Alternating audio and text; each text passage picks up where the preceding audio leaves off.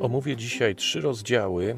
Ewangelia Mateusza, rozdział trzeci, Ewangelia Marka, rozdział pierwszy, także rozpoczynamy Ewangelię Marka i Ewangelia Łukasza, rozdział trzeci. W tych rozdziałach dowiemy się trochę więcej na temat Jana Chrzciciela, omówimy sobie wydarzenia, o których już czytaliśmy w Ewangelii Jana, razem z no, tymi szczegółami, o których Jan nie wspomniał. Dlatego mamy cztery Ewangelie, a nie tylko jedną. Omówimy sobie także bardzo ważne wydarzenie, początek misji Jezusa. O tym też wspominaliśmy, kiedy czytaliśmy Ewangelię Jana. Chodzi tu oczywiście o jego chrzest.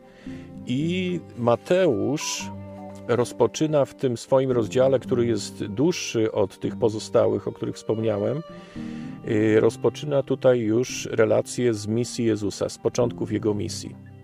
Y, pomijając, a właściwie tylko wspominając te 40 dni, podczas których Jezus pościł i był kuszony przez szatana. O tym będziemy e, mówić w przyszłym tygodniu, kiedy omówimy sobie Ewangelię Mateusza, rozdział czwarty i czwarty i piąty rozdział w Ewangelii Łukasza. No dobrze, to zaczynamy.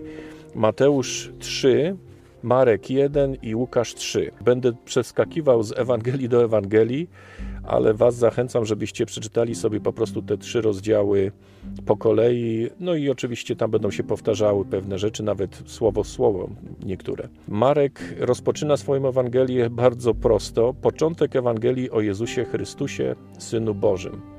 No i tutaj przechodzi do proroctwa Izajasza, które można znaleźć w rozdziale 40 Księgi Izajasza, w wersecie trzecim. Jak napisano u Izajasza proroka, oto posyłam anioła mego przed Tobą, który przygotuje drogę Twoją. O kogo tu chodzi? Oczywiście o Jana Chrzciciela. Mówiliśmy o tym, jak bardzo ważną misję miał do spełnienia Jan Chrzciciel. Był on aniołem, który został wysłany, żeby przygotować drogę dla Jezusa. Kiedy Jezus rozpoczął swoją misję, miał już wielu wyznawców, dlatego mógł rozpocząć swoją misję od założenia Kościoła, od powołania dwunastu apostołów. I dalej Marek cytuje Izajasza, głos wołającego na pustyni: Gotujcie drogę pańską, prostujcie ścieżki jego. Na pustyni wystąpił Jan Chrzciciel i głosił chrzest upamiętania na odpuszczenie grzechów. Marek pisze bardzo tak prosto i w skrócie. W Łukaszu też w rozdziale trzecim, w wersecie czwartym jest mowa o tym proroctwie Izajasza i w Mateuszu w tym rozdziale trzecim, w wersecie trzecim. Tam też jest cytowany Izajasz, głos wołającego na pustyni, gotujcie drogę pańską, prostujcie ścieżki jego. Łukasz tutaj troszeczkę przechodzi do większych szczegółów, bo pisze tak. Jak napisano w księdze mów proroka Izajasza, głos wołającego na pustyni, gotujcie drogę pańską, prostujcie ścieżki jego, każdy padł niech będzie wypełniony, a każda góra i pagórek zniesione, drogi krzywe wyprostowane, a nierówne wygładzone. I ujrzą wszyscy ludzie zbawienie Boże. No dla mnie to jest takie piękne, poetyckie zaproszenie do ułożenia swojego życia, do e, ustalenia, według jakich norm powinienem postępować, według jakich wartości powinienem się zachowywać i myśleć. Każda góra i pagórek zniesione, drogi krzywe wyprostowane, a nierówne wygładzone. Bardzo ładnie to Izajasz przedstawił. Mateusz rozpoczyna rozdział trzeci od takich słów. A w owe dni przyszedł Jan, chrzciciel, karząc na pustyni judzkiej i mówiąc: Upamiętajcie się, albowiem przybliżyło się Królestwo Niebios. A więc już niedługo założony zostanie Kościół Jezusa Chrystusa. W piątym wersecie czytamy: Wtedy wychodziła do niego Jerozolima oraz cała Judea i cała okolica nadjordańska, i byli chrzczeni przezeń w rzece Jordanie, wyznając grzechy swoje. Mateusz i Marek opisują tutaj Jana Chrzciciela w ten sposób. A sam Jan miał odzienie z sierści wielbłądziej i pas skórzany wokół bioder swoich, a za pokarm miał szarańczę i miód leśny. Praktycznie no, dokładnie tak samo to opisał Marek w wersecie szóstym. No ciekawy człowiek z tego Jana Chrzciciela. Przechodzimy teraz do nauk Jana Chrzciciela. Niektóre z tych nauk już wspomnieliśmy, kiedy czytaliśmy Ewangelię Jana. W Mateuszu w rozdziale trzecim od wersetu siódmego czytamy: A gdy ujrzał wielu faryzeuszów i saduceuszów przychodzących do chrztu, rzekł do nich. I tutaj posłuchajcie, jak on dobitnie przemawia do faryzeuszów i saduceuszów, do tych no, fałszywych proroków, można powiedzieć do tych, którzy sobie uzurpowali upoważnienie do y, bycia przedstawicielami Boga i do bycia jedynymi, którzy mieli prawo do interpretowania Biblii, czyli no, tego, co my nazywamy Starym Testamentem. Jan Chrzciciel mówi do nich tak: Plemię żmijowe, kto was ostrzegł przed przyszłym gniewem?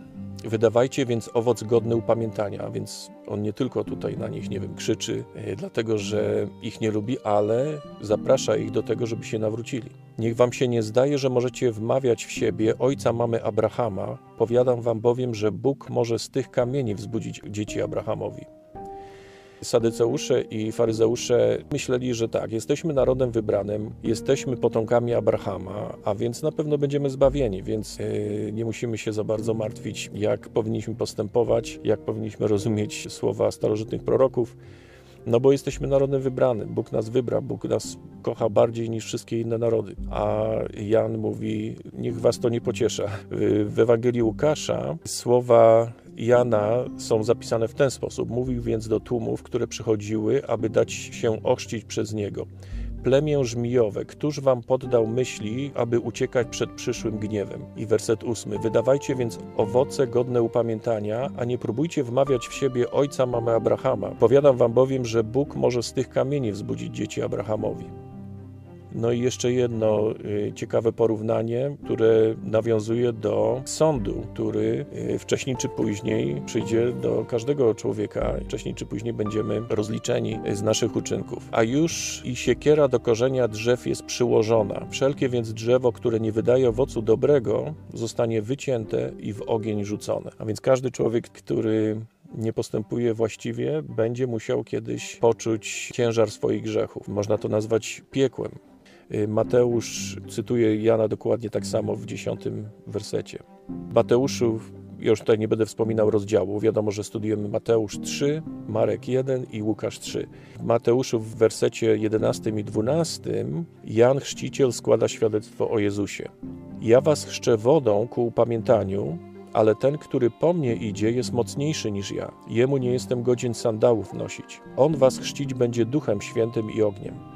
I w Ewangelii Marka od wersetu siódmego czytamy, a głosił, mówiąc, idzie za mną mocniejszy niż ja, któremu nie jestem godzien, schyliwszy się, rozwiązać rzemyka u sandałów jego. Ja chrzciłem was wodą, on zaś was będzie chrzcił Duchem Świętym. I Mateusz w wersecie 12 jeszcze dodaje takie słowa: W ręku jego, czyli w ręku Jezusa, jest wiejadło. Wiejadło, czyli no taki wachlarz, który służy do odseparowania tych fragmentów nasion, których chcemy się pozbyć.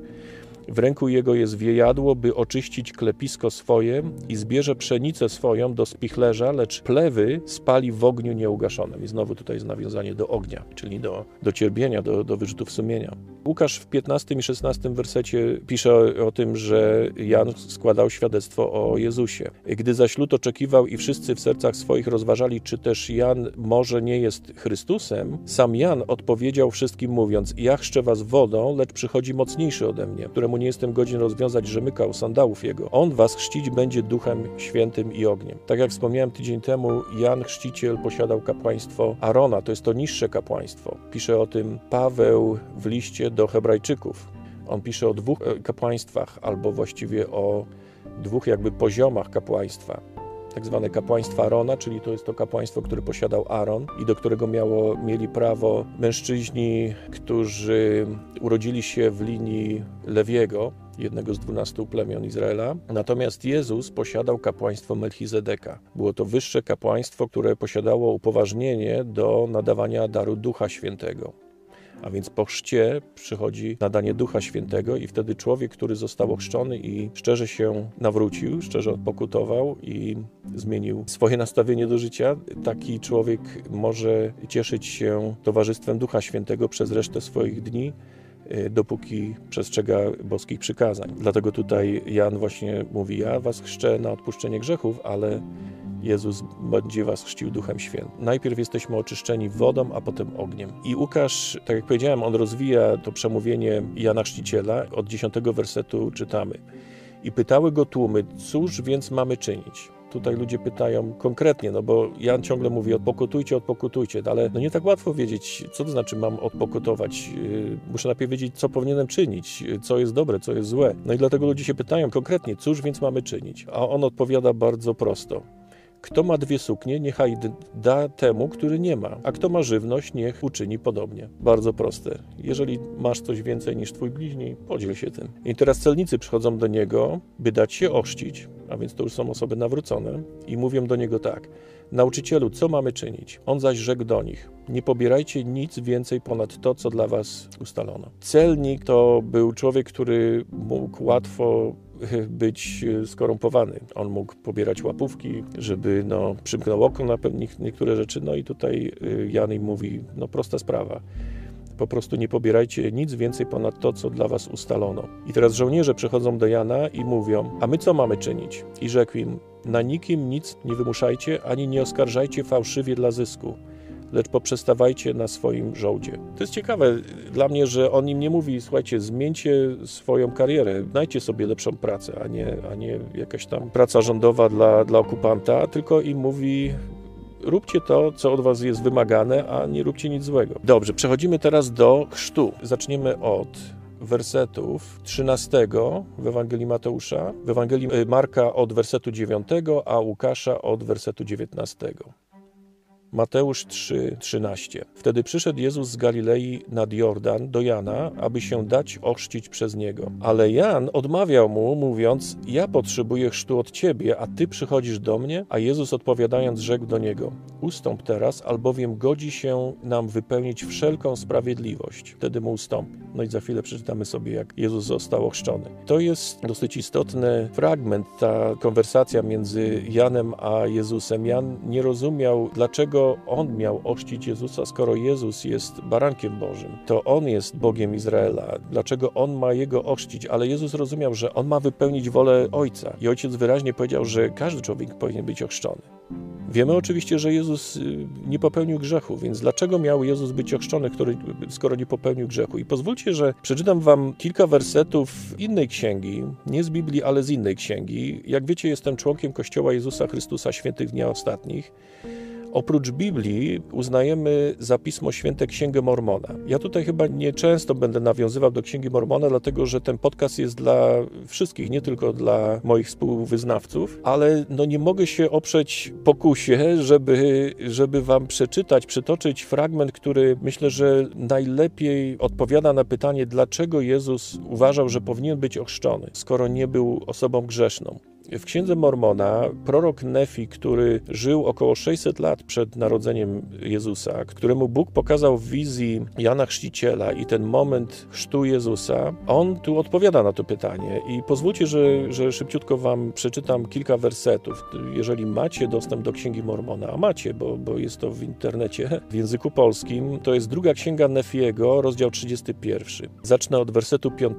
Jeśli baranek Boży, będąc święty, musi zostać ochrzczony w wodzie, aby wypełnić wszelką prawość, jak znacznie większą potrzebę mamy my, będąc nieświęci, abyśmy zostali ochrzczeni zaiste w wodzie. I teraz pytam was, moi umiłowani bracia, w jaki sposób baranek Boży wypełnia wszelką prawość, będąc ochrzczony w wodzie? Czyż nie wiecie, że był on święty? Jednak mimo, że był święty, pokazuje dzieciom ludzkim, że według ciała korzy się przed Ojcem i świadczy Ojcu, że będzie mu posłuszny w przestrzeganiu Jego przykazań. Przeto gdy został ochrzczony wodą, Duch Święty stąpił na niego pod postacią gołębicy. I powtarzam, to pokazuje dzieciom ludzkim, jak ciasna jest ścieżka, jak wąska jest brama, przez którą mają wejść, będąc dla nich przykładem. I powiedział on dzieciom ludzkim: Podążajcie za mną. Przeto, moi umiłowani bracia, czyż możemy podążać za Jezusem, jeśli nie będziemy chcieli przestrzegać przykazań Ojca? I ojciec powiedział: Odpokutujcie, odpokutujcie i zostańcie ochrzczeni w imię mojego umiłowanego syna. A także głos syna przyszedł do mnie, mówiący: Ten, kto zostanie ochrzczony w imię moje, temu ojciec da ducha świętego, podobnie jak mnie. Przeto pójdźcie za mną i czyńcie, co widzieliście, że ja czyniłem. A więc Jezus dał nam przykład. Jego grzechy nie zostały odpuszczone, no bo on nie popełni żadnego grzechu. Ale on pokazał nam przykład. Jest takie prawo, które mówi, że każdy człowiek, zanim zostanie puszczony do obecności Boga, musi być ochrzczony w wodzie. Więc Jezus też musiał przyjąć chrzest. A więc chrzest ma kilka celów. Jest to taka symboliczna brama, przez którą przechodzimy i wchodzimy na tą wąską ścieżkę i zaczynamy żyć zgodnie z wolą Boga. Jezus też musiał wejść na tą ścieżkę i też musiał nam pokazać przykład, więc yy, no, mam nadzieję, że mogliśmy coś z tego wynieść. I teraz czytamy o chrzcie Jezusa. Wracamy do Ewangelii Mateusza, rozdział 3, werset 16. A gdy Jezus został ochrzczony, wnet wystąpił z wody i oto otworzyły się niebiosa i ujrzał Ducha Bożego, który stąpił w postaci gołębicy i spoczął na nim. Ja mówiłem o tej gołębicy w zeszłym tygodniu, że to był znak, który symbolizował Ducha Świętego.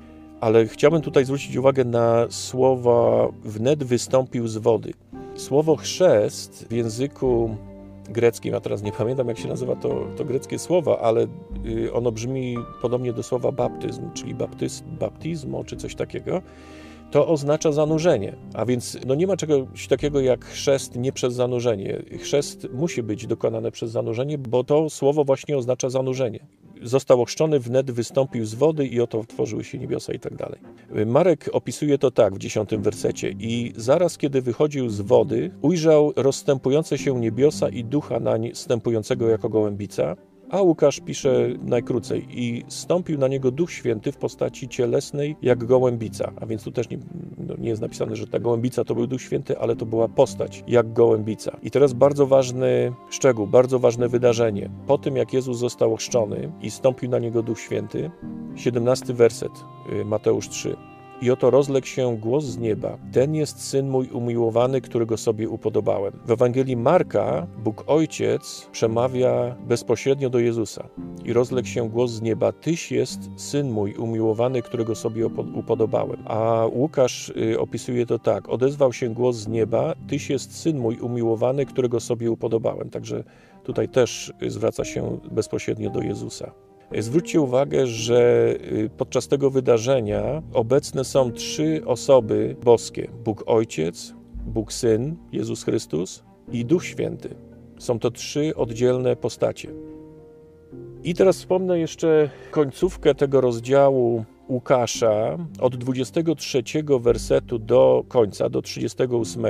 Łukasz przytacza genealogię Jezusa od strony Jana. Wcześniej czytaliśmy genealogię Jezusa od strony Marii, a teraz y, możemy tutaj zapoznać się z jego genealogią od strony Jana. Bardzo mi się podoba początek tej genealogii. W 23 y, wersecie czytamy: A Jezus rozpoczynając działalność miał lat około 30, a był, jak mniemano, synem Józefa, syna Halego, syna Matata, syna Lewiego i tak dalej, i tak dalej, i tak dalej. No po pierwsze y, fajnie, że możemy wiedzieć w jakim wieku był Jezus, kiedy rozpoczynał swoją misję, ale to, co mi się podoba, to jest to, że Łukasz napisał tutaj, a był jak mniemano synem Józefa, bo wiemy, że Jezus nie był synem Józefa. Jego biologicznym ojcem był Bóg Ojciec, a Józef był jego ojczymem, przybranym ojcem. Dlatego y, tutaj Łukasz to podkreślił. Warto tutaj zwrócić uwagę na pewne osoby, o których myślę, że wielu z nas wie ze Starego Testamentu. No, chyba najważniejsze w tej genealogii dla Żydów w tamtych czasach był fakt, że Jezus był potomkiem Dawida. Jest to wspomniane w wersecie 31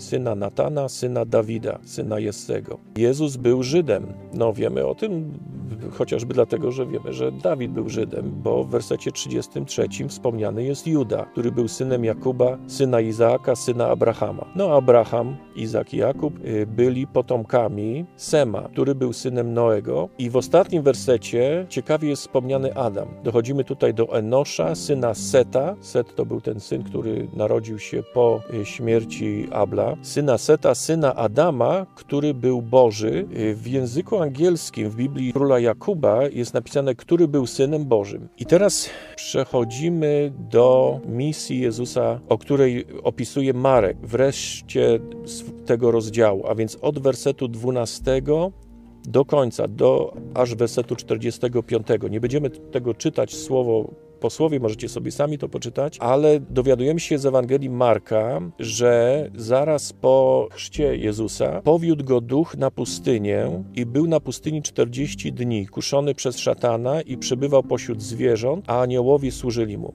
W przyszłym tygodniu będziemy czytać w Ewangelii Mateusza w czwartym rozdziale i w Łukaszu czwartym i w piątym. Tam będzie trochę więcej napisane, no o wiele więcej na temat kuszenia Jezusa. Podoba mi się tutaj to, że Marek wspomina, że y, Jezus spotykał się z aniołami, którzy mu służyli, którzy go nauczali, więc to nie było tylko no, negatywne doświadczenie, zawierało oczywiście negatywne elementy, y, nieprzyjemne, no rozmowa szatana, sam szatan się ukazał Jezusowi i go kusił, ale także podczas tych 40 dni y, postu służyli mu aniołowie. W 14 wersecie dowiadujemy się, że Jan został uwięziony i po tym, jak Jan został uwięziony, przyszedł Jezus do Galilei, głosząc Ewangelię Bożą i mówiąc: Wypełnił się czas i przybliżyło się Królestwo Boże. Upamiętajcie się, albo inaczej, nawróćcie się i wierzcie Ewangelii. I teraz czytamy o tym, o czym już czytaliśmy w Ewangelii Jana, o tym, jak Jezus poznał Szymona i Andrzeja. Tutaj ta relacja jest troszeczkę inna, więc być może, e, no nie wiemy, które wydarzenie było najpierw,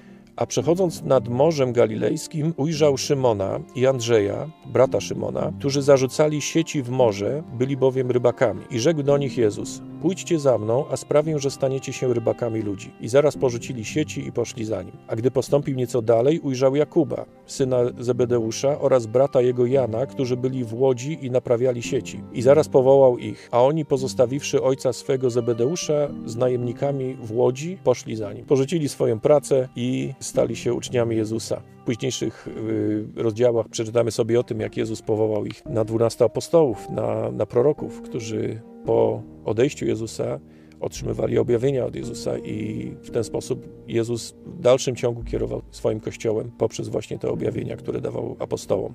Dalej czytamy o tym, że Jezus i Szymon, czyli Piotr, Andrzej, Jakub, Jan i być może jeszcze jacyś inni uczniowie, weszli do Kafarnaum i zaraz w sabat wstąpił do synagogi i nauczał. W wersecie 22 i 27 jest napisane, że ludzie zdumiewali się nauką Jego. I bardzo mi się podoba, w wersecie 22 jest napisane, dlaczego się ludzie zdumiewali Jezusem. Gdyż nauczał ich jako moc mający, a nie jako uczeni w piśmie.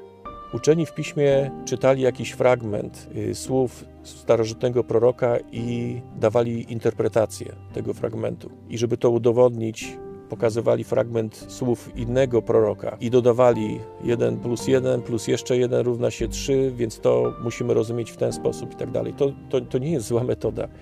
Y, bardzo dobrze jest porównywać fragmenty w Pismach Świętych i dochodzić do jakichś wniosków. Ale Jezus nauczał inaczej. On, on nauczał jak ktoś, kto posiada upoważnienie do nauczania. On nie dowodził swoich wniosków poprzez y, przytaczanie fragmentów z Pism Świętych, ale po prostu nauczał, jak, jak jest. No i tutaj zaczynamy czytać o cudach, których dokonywał Jezus. Z proroc Starego Testamentu y, wiemy, że cuda czynione przez Jezusa miały być znakiem, że to jest właśnie Mesjasz. Czytamy, że w tej synagodze, w której nauczał Jezus, był człowiek opętany przez ducha nieczystego, który krzyczał: Cóż mamy z Tobą, Jezusie Nazareński? A przyszedłeś nas zgubić? Wiem, kim Ty jesteś, święty Boży. A więc szatan i, i, i, jego uczniowie, diabły, tak, y, anioły szatana, oni wiedzą, kim jest Jezus. A Jezus zgromił go mówiąc, zamilknij i wyjdź z niego. A duch nieczysty, szarpnąwszy nim i zawoławszy głosem wielkim, wyszedł z niego. I znowu wszyscy się zdumieli, tak iż pytali się nawzajem, co to jest? Nowa nauka głoszona z mocą. Nawet duchom nieczystym rozkazuje i są mu posłuszne. No i jak się możemy tego spodziewać, o tym wydarzeniu ludzie mówili swoim sąsiadom i wieść rozeszła się o nim wszędzie po całej okolicznej krainie galilejskiej. Werset 29. Zaraz po opuszczeniu synagogi przyszli z Jakubem i Janem do domu Szymona i Andrzeja. Pamiętajmy, Szymon i Andrzej to byli bracia. A teściowa Szymona leżała w gorączce i zaraz powiedziano mu o niej – i przystąpiwszy ujął ją za rękę i podniósł ją i opuściła ją gorączka i usługiwała im. Wyobraźcie sobie, leżała ledwo przytomna w gorączce Jezus dotknął jej dłoni, a ona wstała i powiedziała: No to zrobię wam y, coś do jedzenia. I następny cud, y, a właściwie wiele cudów. W 34 jest napisane, że y, pod wieczór, kiedy już zaszło słońce, no to jest 32 werset, całe miasto zgromadziło się u jego drzwi, pewnie u drzwi tej teściowej, Szymona. I uzdrowił wielu, których trapiły przeróżne choroby i wypędził wiele demonów, ale nie pozwolił demonom mówić, mówić bo go znali. No idą spać następnego dnia, 35 rozdział, yy, werset oczywiście. A wczesnym rankiem przed świtem wstał, wyszedł i udał się na puste miejsce i tam się modlił. Zrobił to wczesnym rankiem, dlatego że Jezus wiedział, że znowu tłumy ludzie, ludzi przy, przyjdą do Niego i, i będą żądali, żeby dokonywał cudów, żeby ich uzdrawiał. Więc Jezus udał się w miejsce puste i tam się modlił. Do kogo się modlił? No przecież nie do siebie, tylko do Ojca w niebie, prawda? Y, Szymon zaś i ci, co z nim byli, pośpieszyli za nim, a gdy go znaleźli, rzekli do niego: Wszyscy szukają cię. I rzekł im: Pójdźmy gdzie indziej, do pobliskich osiedli, abym i tam kazał, bo po to przyszedłem. Widzicie, Jezus nie przyszedł po to, żeby uzdrawiać ludzi. On też to robił. Kiedy ludzie go o to prosili, to on, to on ich uzdrawiał. Ale prawdziwa moc i prawdziwa wartość była w jego słowach, w jego nauce. My teraz może, wiecie, nie mamy Jezus nie żyje na ziemi, nie możemy do Niego podejść i poprosić Go, żeby nas uzdrowił. Ale to, co jest najbardziej wartościowe, my to mamy, możemy o tym czytać w Biblii. Jego słowa, Jego nauki. I dlatego Jezus chciał udać się do pobliskich miejscowości, gdzie jeszcze nie słyszeli o Nim i skupić się na tym, co jest naprawdę najważniejsze. Abym i tam kazał, czyli no, nauczał, bo po to przyszedłem, Poszedł więc i kazał w ich synagogach po całej Galilei i wypędzał demony. No i w 40 wersecie następny cud. I przyszedł do niego trędowaty z prośbą, upadł na kolana i rzekł do niego: Jeśli chcesz, możesz mnie oczyścić. A Jezus, zdjęty litością, wyciągnął rękę swoją, dotknął się go i rzekł mu: Chcę, bądź oczyszczony i natychmiast szedł z niego trąd i został oczyszczony. A Jezus, przygroziwszy mu, zaraz go odprawił i rzekł mu: Bacz, abyś nikomu nic nie mówił, ale idź, pokaż się kapłanowi i złóż za swoje oczyszczenie ofiarę, jaką nakazał Mojżesz za świadectwo, na świadectwo dla nich, no bo nadal obowiązuje prawo Mojżesza. No i co robi ten człowiek? nie wiem, co o tym sądzić, ale, ale y, trochę, trochę go rozumiem w wersecie 45, to już jest ostatni werset. Ale on, odszedłszy, zaczął rozgłaszać i rozsławiać tę rzecz, tak iż Jezus nie mógł już jawnie wejść do miasta, ale przebywał na ustroniu, na miejscach pustych i schodzili się do niego zewsząd. A więc od tej chwili Jezus nie wchodził do miast, bo wiedział, że znowu będzie zamieszanie i kto wie, z czym to mogło się wiązać. Wiemy, że faryzeusze i saduceusze, ci bogaci, ta bogata frakcja, żydowska, oni byli bardzo zazdrośni o jego sławę, a Jezusowi nie zależało na sławie. On chciał ich nauczać. On chciał, żeby ludzie się dowiedzieli, jak powinni postępować i zachęcał ich do tego, żeby się nawrócili i zostali ochrzczeni, tak jak to robił Jan. No i na tym kończymy relację Marka, a wcześniej także Łukasza i Mateusza. Do zobaczenia za tydzień. Omówimy sobie wtedy rozdział czwarty Ewangelii Mateusza oraz rozdziały czwarty i piąty Ewangelii Łukasza. Do usłyszenia.